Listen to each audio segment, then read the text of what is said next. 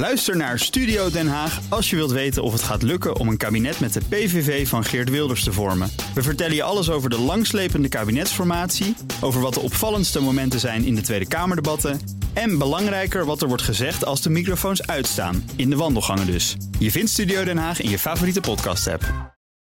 Hey Ben, jij hier? Ja, uh, Herbert, wat is er? Um, maar wat doen we in een andere podcast, joh? Ja, hoe bedoel je? We zitten toch gewoon in de technoloog? Nee, nee, nee, we zitten verkeerd. Nu we hier toch zijn. Ja, dat is een goed idee. Mensen, luister ook eens naar de technoloog. Een leuke podcast over technologie. Met lange interviews, het naadje van de kous willen we weten op bnr.nl, in de BNR-app en in al die andere podcastplatforms. Oké, okay, wegwezen nu hier. En welke kant gaan we? Um, dat is deze kant op, volgens mij.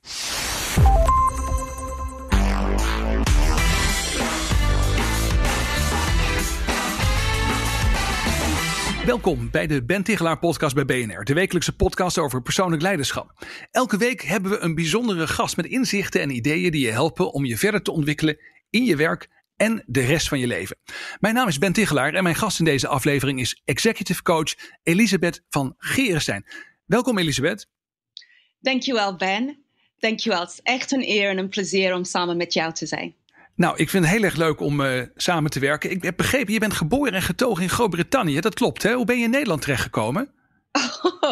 Oh, hoe ben ik in Nederland terechtgekomen? Ik, um, ja, ik kwam voor een conferentie. Ik heb een uh, leuke jongen ontmoet en ik ben nooit teruggegaan. Ah, oké. Okay. Hoe lang geleden is dat?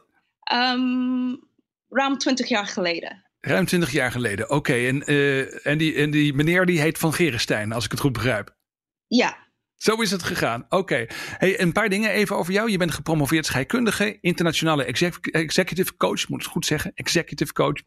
En uh, ik heb je ook staan, uh, je coacht eigenlijk CEO's, ondernemers en teams. Maar doet dat ook via de Rotterdam School of Management. Je coacht daar ook allerlei mensen die daar in een eh, MBA-opleiding zitten. Klopt dat?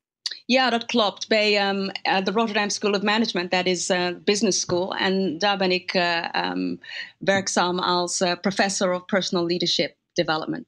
Hartstikke leuk. Want deze podcast gaat ook over persoonlijk leiderschap. Dus je hebben eindelijk een keer iemand die ook professor is, adjunct professor, heet het geloof ik eh, voluit, hè, eh, op dit specifieke gebied. Hartstikke mooi. Daarnaast ben je de oprichter en directeur van coaching en adviesbureau Papillon en Partners en vice president van het Leadership Pipeline Institute. En dat is een uh, instituut dat leiderschapstrainingen door allerlei, op alle niveaus en organisaties uh, verzorgt, als ik het goed heb begrepen. Zeg, voordat we beginnen, het is april 2020. Bijna iedereen in Nederland werkt vanuit huis. Wij ook, hè, uh, in verband met de coronacrisis. Wat is er naar jouw idee echt anders aan online coachen, als je dat nou vergelijkt met uh, het live werk wat je doet? You know, um, online heb je een soort filter. En als we zijn in person, dan zit je daar te, met jouw emoties en jouw gevoelens en je tranen of wat dan ook, of jouw, jouw woede. En ja. wij voelen elkaar zonder een filter. En online heb je een filter, maar er zijn wel technieken om best wel intiem te zijn met elkaar door de camera. En, uh-huh. en gewoon echt met je volle, volledige presence daar te zijn. Dus het is nog steeds mogelijk en dat deden we al jaren online coaching met klanten in Singapore of Zwitserland of Australië of waar dan ook. Ja. Sommige, sommige klanten heb ik jarenlang niet gezien. En af en toe vliegen ze naar Rotterdam of naar Amsterdam. En het gaat best wel goed online, al jaren zo. Dus, ja, wat is, is er een truc? Is er iets, wat, wat doe je dan om te zorgen dat je toch, als het ware, door dat filter heen breekt in dat, in dat online contact? Um, wat ik doe, en het is bijna nu second nature, en dat is eigenlijk te visualiseren. Dat ik kijk echt in je ogen, dat we zijn bij elkaar, dat ik kan jou voelen en dat ik breng, en ik breng eigenlijk mijn volledige aanwezigheid, mijn full presence, ook binnen mijn stem en in mijn aanwezigheid. Dus ik zit daar helemaal gefocust aan een invisible person, want je zit niet bij ja. me, maar je bent wel bij mij. Ja, heel interessant. Dat is, je, je wordt zo makkelijk afgeleid hè? Als, je, als je in een online vergadering bijvoorbeeld ook zit en jij zegt je moet echt je helemaal focussen op die andere persoon. En dan kan je het gevoel toch geven dat je, dat je bij elkaar echt, nou ja, dat je wel de echte contact hebt. En ik hoop dat jij hebt dat gevoel nu bent. nou, laten we eens even naar de, naar, de, naar de vragen gaan die ik heb voorbereid voor jou. Het gaat over persoonlijk leiderschap in deze podcast. Daar doseer jij in al jaren. Duizenden MBA-studenten zijn door jou daarin gecoacht en begeleid. Maar wat is nou een inzicht wat jou persoonlijk echt heeft veranderd? Iets waarvan je zegt, nou, als het gaat over persoonlijk leiderschap, dit is voor mij een heel wezenlijk inzicht, omdat ik het ook zelf toepas in, in mijn eigen functioneren. Ja, oké. Ik wil één ding noemen eigenlijk, die vroeg in mijn loopbaan echt een verschil voor mij heeft gemaakt.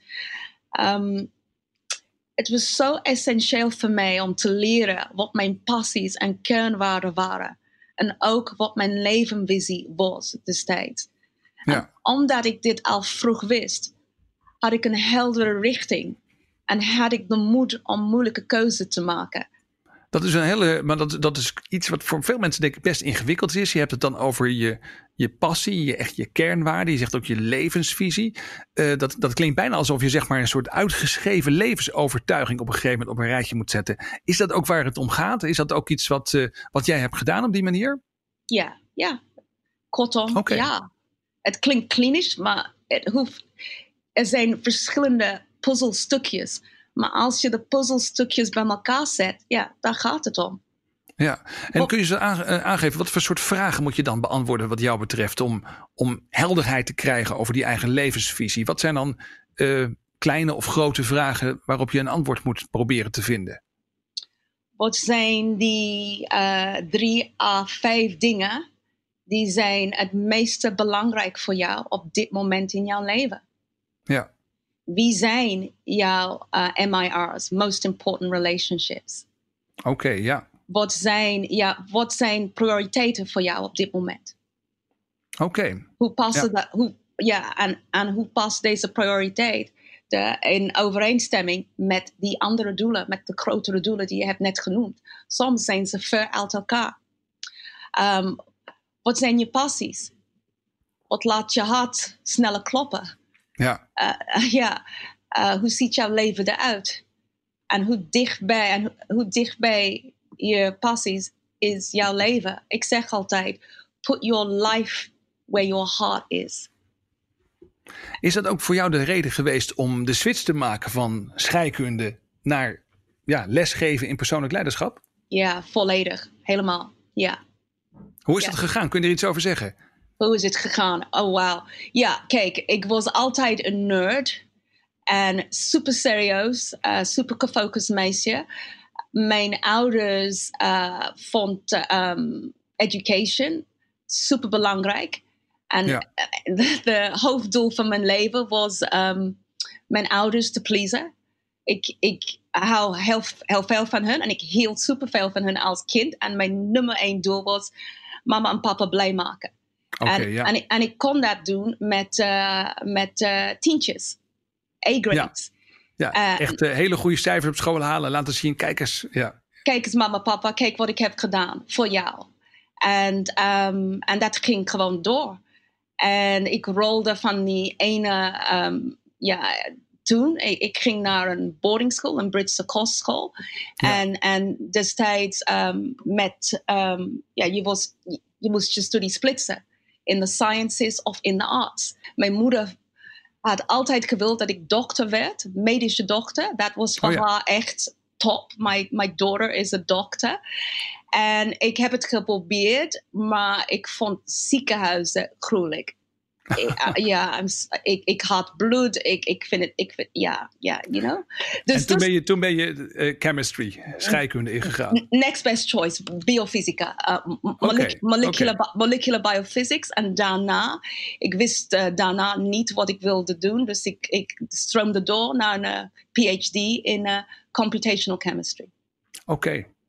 En ergens onderweg uh, heb je besloten om het roer helemaal om te gooien. Wanneer is dat gebeurd? Was, er, was, uh, was er een directe aanleiding toe of was dat meer een sluimerend verhaal? Het was een onbewust verhaal. Ik, ik sluimerde door. Dus na mijn promotie, ik was vijf, ik, 25, dokter Elizabeth van Geerstein. Ik, ik stapte binnen in, binnen in een technische functie. Ja. En, en toen begon ik te beseffen dat ja, ik vond het veel leuker als ik kon gesprekken houden met die, um, met de marketing executives of zelfs met de algemeen directeur van het bedrijf. En op een gegeven moment besloot ik om een MBA te gaan doen. En dat was het draaipunt van alles. En, dan, en dan kwamen echt eh, de, de, vla- het- ja, de vlammetjes in het leven. En het was wauw. Ja, ja, toen heb ik mijn passie gevonden. Met business, leiderschap. dat, en dat, dat, is, dat is inmiddels nu dus inderdaad wat je, wat je fulltime doet. Ehm, en je, ik kan me voorstellen dat je dus in je werk ook best wel een hele hoop mensen tegenkomt. die misschien wel ergens in datzelfde traject onderweg zijn. dat je zelf hebt meegemaakt. Is dat zo? Wat, wat zijn vragen die je tegenkomt als jij bijvoorbeeld managers of eh, MBA-studenten aan de Erasmus eh, eh, Universiteit, als je, die, als je die daar begeleidt, als je die mensen daar les geeft, wat voor soort vragen kom je tegen? Zijn dat vragen die dezelfde zijn als die jij zelf ook hebt gehad? Het is een beetje andersom, eh, Ben. Ik stel vragen zoals: wat zijn de meest belangrijke dingen in jouw leven op dit moment? Wat zijn Mhm. jouw top eh, vijf of acht kernwaarden? Ehm, ja, als je morgen zou sterven, wat zou jou, waar zou je spijt van krijgen? En dan krijg je een blanco, ehm, ja, gewoon een, gewoon een blanke look terug. Oké. En, en, dan, en dan is het, eh, oh ja, is het echt mogelijk om, de om, om deze vra- eh, vragen te beantwoorden?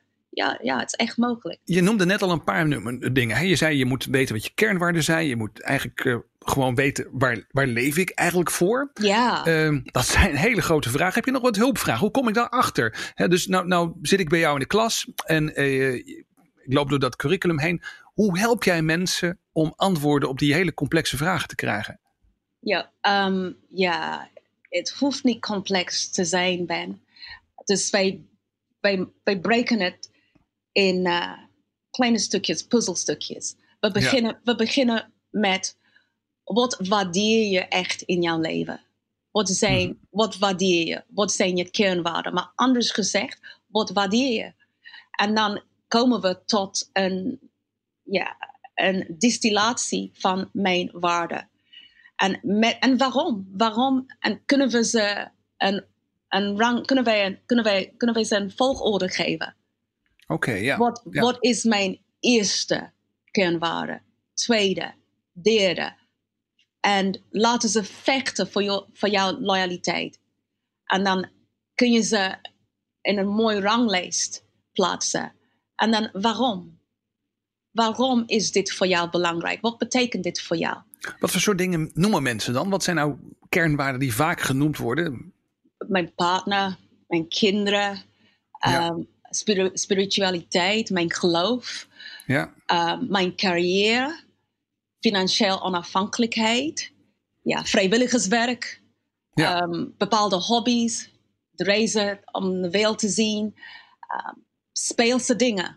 Gewoon echt ehm, spelen, eh, fun, having fun. Ja, verschillende dingen. Iedereen is uniek. Iedereen Oké, heeft maar je hoort daar toch echt wel verschillen in. Eh, want ik, ik kan me voorstellen dat als, je, als ik hier naar luister, hè, ik zit thuis en ik denk oké, of ik rij in de auto, ik luister naar deze podcast. Ik denk oké, ja, die MBA-studenten die daar naar die Rotterdam School of Management gaan, die zeggen misschien wel dat ze, eh, nou ja, allerlei dingen belangrijk vinden. Maar eigenlijk willen ze gewoon vooral een stap vooruit maken in hun carrière. Dat is misschien toch wel het allerbelangrijkste gewoon voor ze. Is dat een vooroordeel of is dat misschien toch eigenlijk ook echt wat er aan de hand is? Dat is echt een vooroordeel, Ben. Oké, oké, Ja, sorry. Sorry Nee. voor mijn vooroordeel. Nee, nee. We, we, hebben, we, hebben voor, we hebben allemaal vooroordelen. Het enige is dat wij, eh, we weten dat we ze hebben. Ja, nee. Toen ik, toen ik deze oefening voor mezelf eh, deed, jaren geleden, tot mijn verbazing, ja, carrière was er, financieel onafhankelijkheid was er, ehm, eh, partner, kinderen, ehm, geloof en een paar andere dingen. Maar wat mij verbaasde ben, was toen ik begon te werken aan mijn levensvisie, Mhm. gebonden aan deze kernwaarden. De visie, die, die ideaalvisie die ik heb gesketcht, was heel anders van mijn werkelijke realiteit, van mijn werkelijkheid. Heel anders.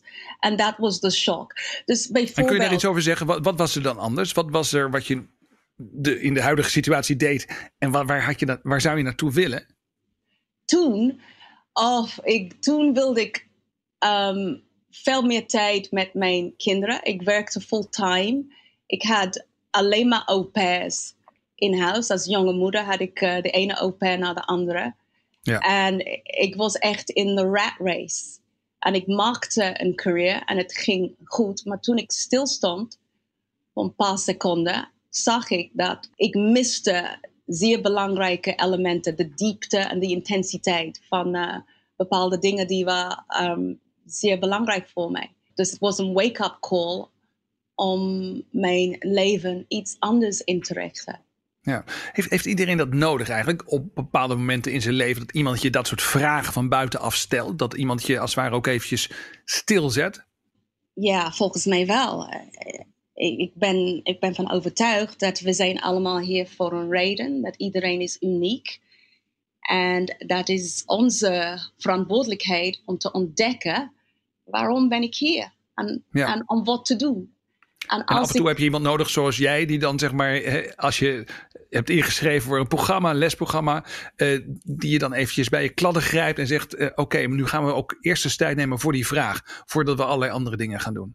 Ja, dat kan, maar het kan ook gebeuren zonder een coach. Als het ja. zo duidelijk is, als je, als je leeft in een zo'n integere manier, dat je blijft dichtbij um, wat jou, uh, je hart grijpt en je hebt een omgeving die jou steunt daarin, dan is dat iets makkelijker om true to yourself te zijn. Maar ja. voor de meeste van ons, we zijn super socialized. En dan uh, we verliezen contact met onze ware ik en met, ons, ja, met wie we werkelijk zijn. Ja, omdat we graag andere mensen misschien dus naar de zin willen maken, zoals je zelf ook beschreef, zoals je dat met je ouders hebt gedaan. Ja, yeah, that's the best case scenario. In sommige ja. gevallen word je echt uh, zeg maar misbruikt of gebruikt in een andere manier. Omdat anderen vinden het niks wat, ja, wat je ambieert. Snap je wat ik bedoel? Ja. Als, hm. als, als iemand niet wil studeren, maar wil iets met de handen doen en, en de omgeving vindt nee, je moet gaan studeren. En dan je gaat gewoon met de flow. Of je vrienden doen ja. bepaalde, hebben een bepaalde richting en je, je gaat gewoon mee.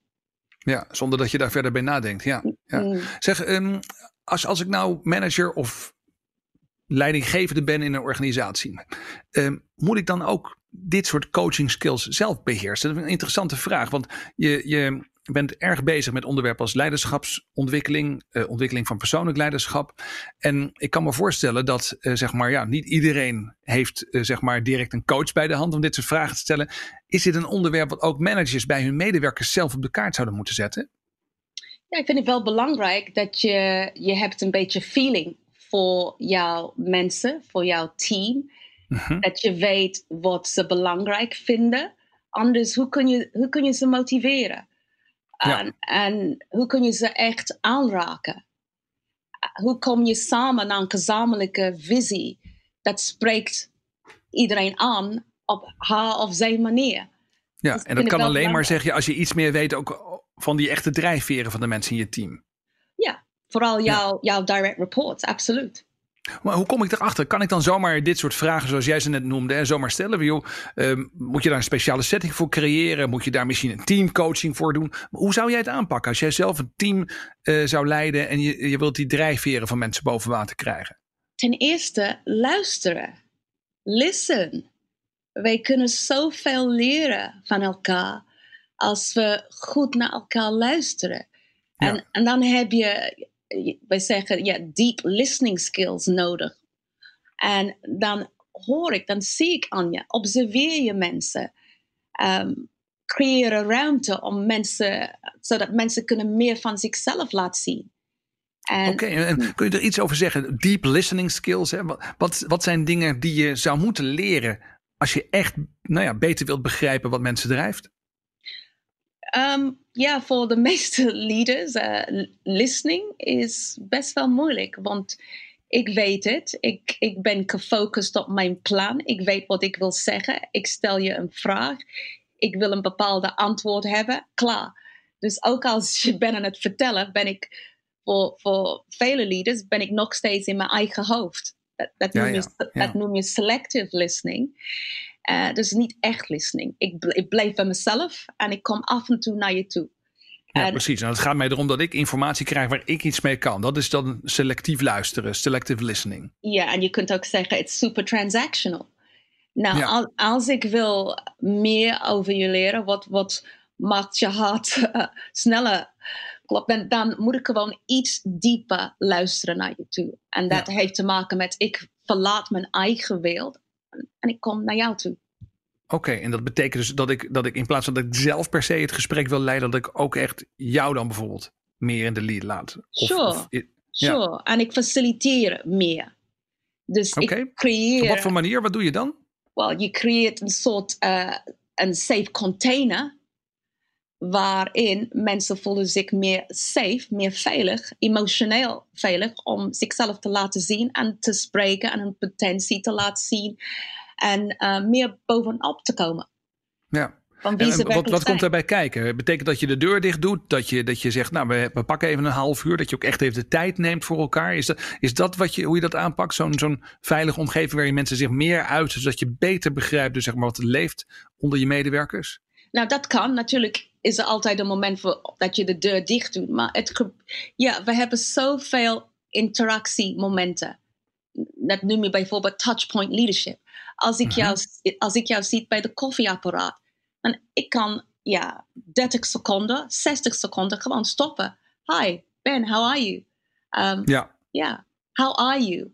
En dan, dan luister ik, ja, wat jij zegt. En dat betekent dat je dus eigenlijk door de dag heen je heel bewust bent van dat soort korte momenten, die, die touchpoints zoals je dan noemt. En, en dan ook echt even onverdeelde aandacht aan iemand geeft, bijvoorbeeld. Ja, blijf, blijf waar je bent.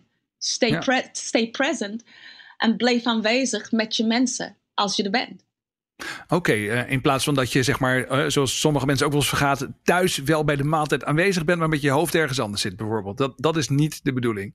Dat is niet de bedoeling, maar misschien zijn we al, al- allemaal een beetje schuldig daarvan. oké? Ja, nee, oké, dat is wel herkenbaar. Hey, ik heb een verrassende vraag altijd voor mijn gasten.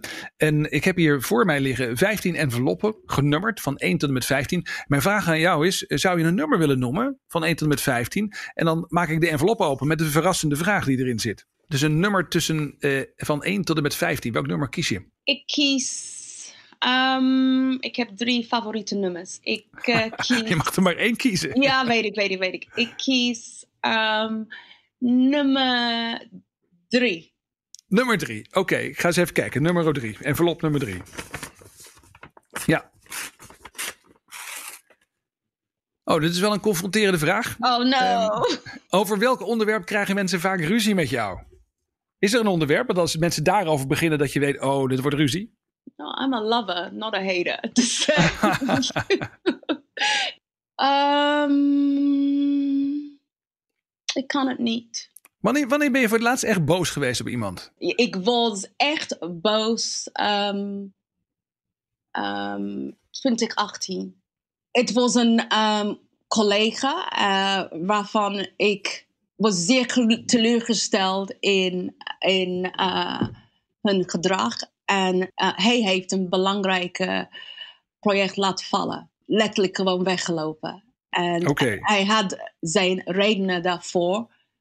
Maar ik was super boos. Oké. Ehm, super boos. Dus eh, eh, iets waar mensen ruzie om zouden kunnen krijgen met jou wanneer ze hun werk niet afmaken. er zijn altijd, als er, als, er, ja, als er een goede reden daarvoor is, dat ik kan begrijpen, als ik goed geïnformeerd ben op tijd, dan is het oké. Maar als ik verrast ben door jouw gedrag, had ik niet verwacht, je gaf mij geen waarschuwen, Ja. dan, dan, dan eh, ja, dan is het it's not always easy. Dan is het niet makkelijk. Oké, oké. Nou, goed. Goed om dat te weten. Dat, Mhm. dat eh, houden we rekening mee. Hey, eh, tot slot, je mediatip. Als we nou iets meer willen weten over de onderwerpen die we besproken hebben, zoals bijvoorbeeld persoonlijk leiderschap. Hmm. Is er een film of een boek of een podcast waarvan je zegt, dan zou je toch eens wat aandacht aan moeten besteden. Dat helpt je echt een stap verder. Wat zou jouw tip zijn? Ja, mijn tip is lees goede autobiographies.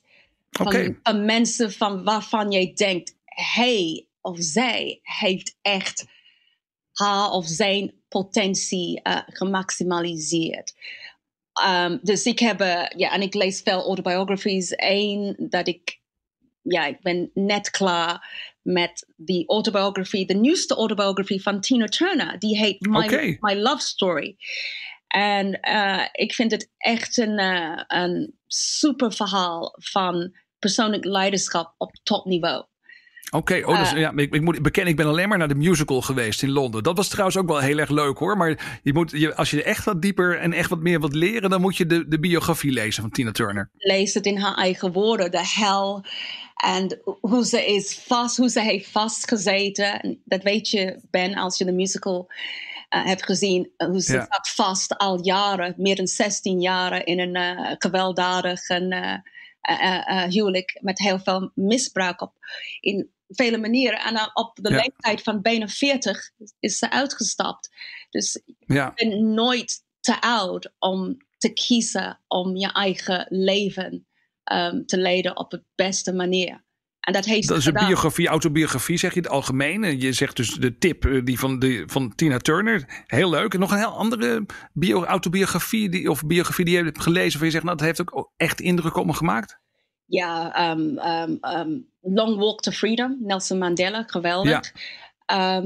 Nog eentje is eh, Viktor Frankl, eh, zijn, zijn boek in die kampen en hoe hij heeft meaning gevonden in die hel van die. eh, Is dat de Man's Search for Meaning, is dat geloof ik, hè, of Man- niet? Man's Search for Meaning, ja. Ja.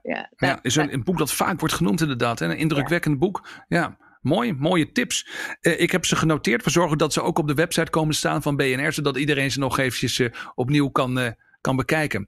We moeten gaan afronden. Ik wil je heel erg bedanken Elisabeth van Gerenstein. Voor het delen van je inzichten en ideeën met ons.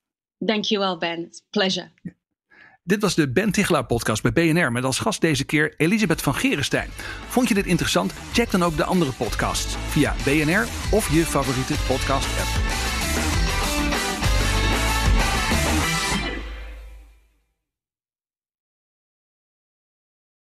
Ook Liesbeth Staats vind je in de BNR-app. Ja, heel handig. Luister live naar Kees en mij tijdens de Daily Move. Dan blijf je ook gelijk op de hoogte van breaking news en het laatste zakelijke nieuws. En daar vind je ook alle BNR-podcasts, waaronder de Perestrooikast. Download nu de gratis BNR-app en blijf scherp.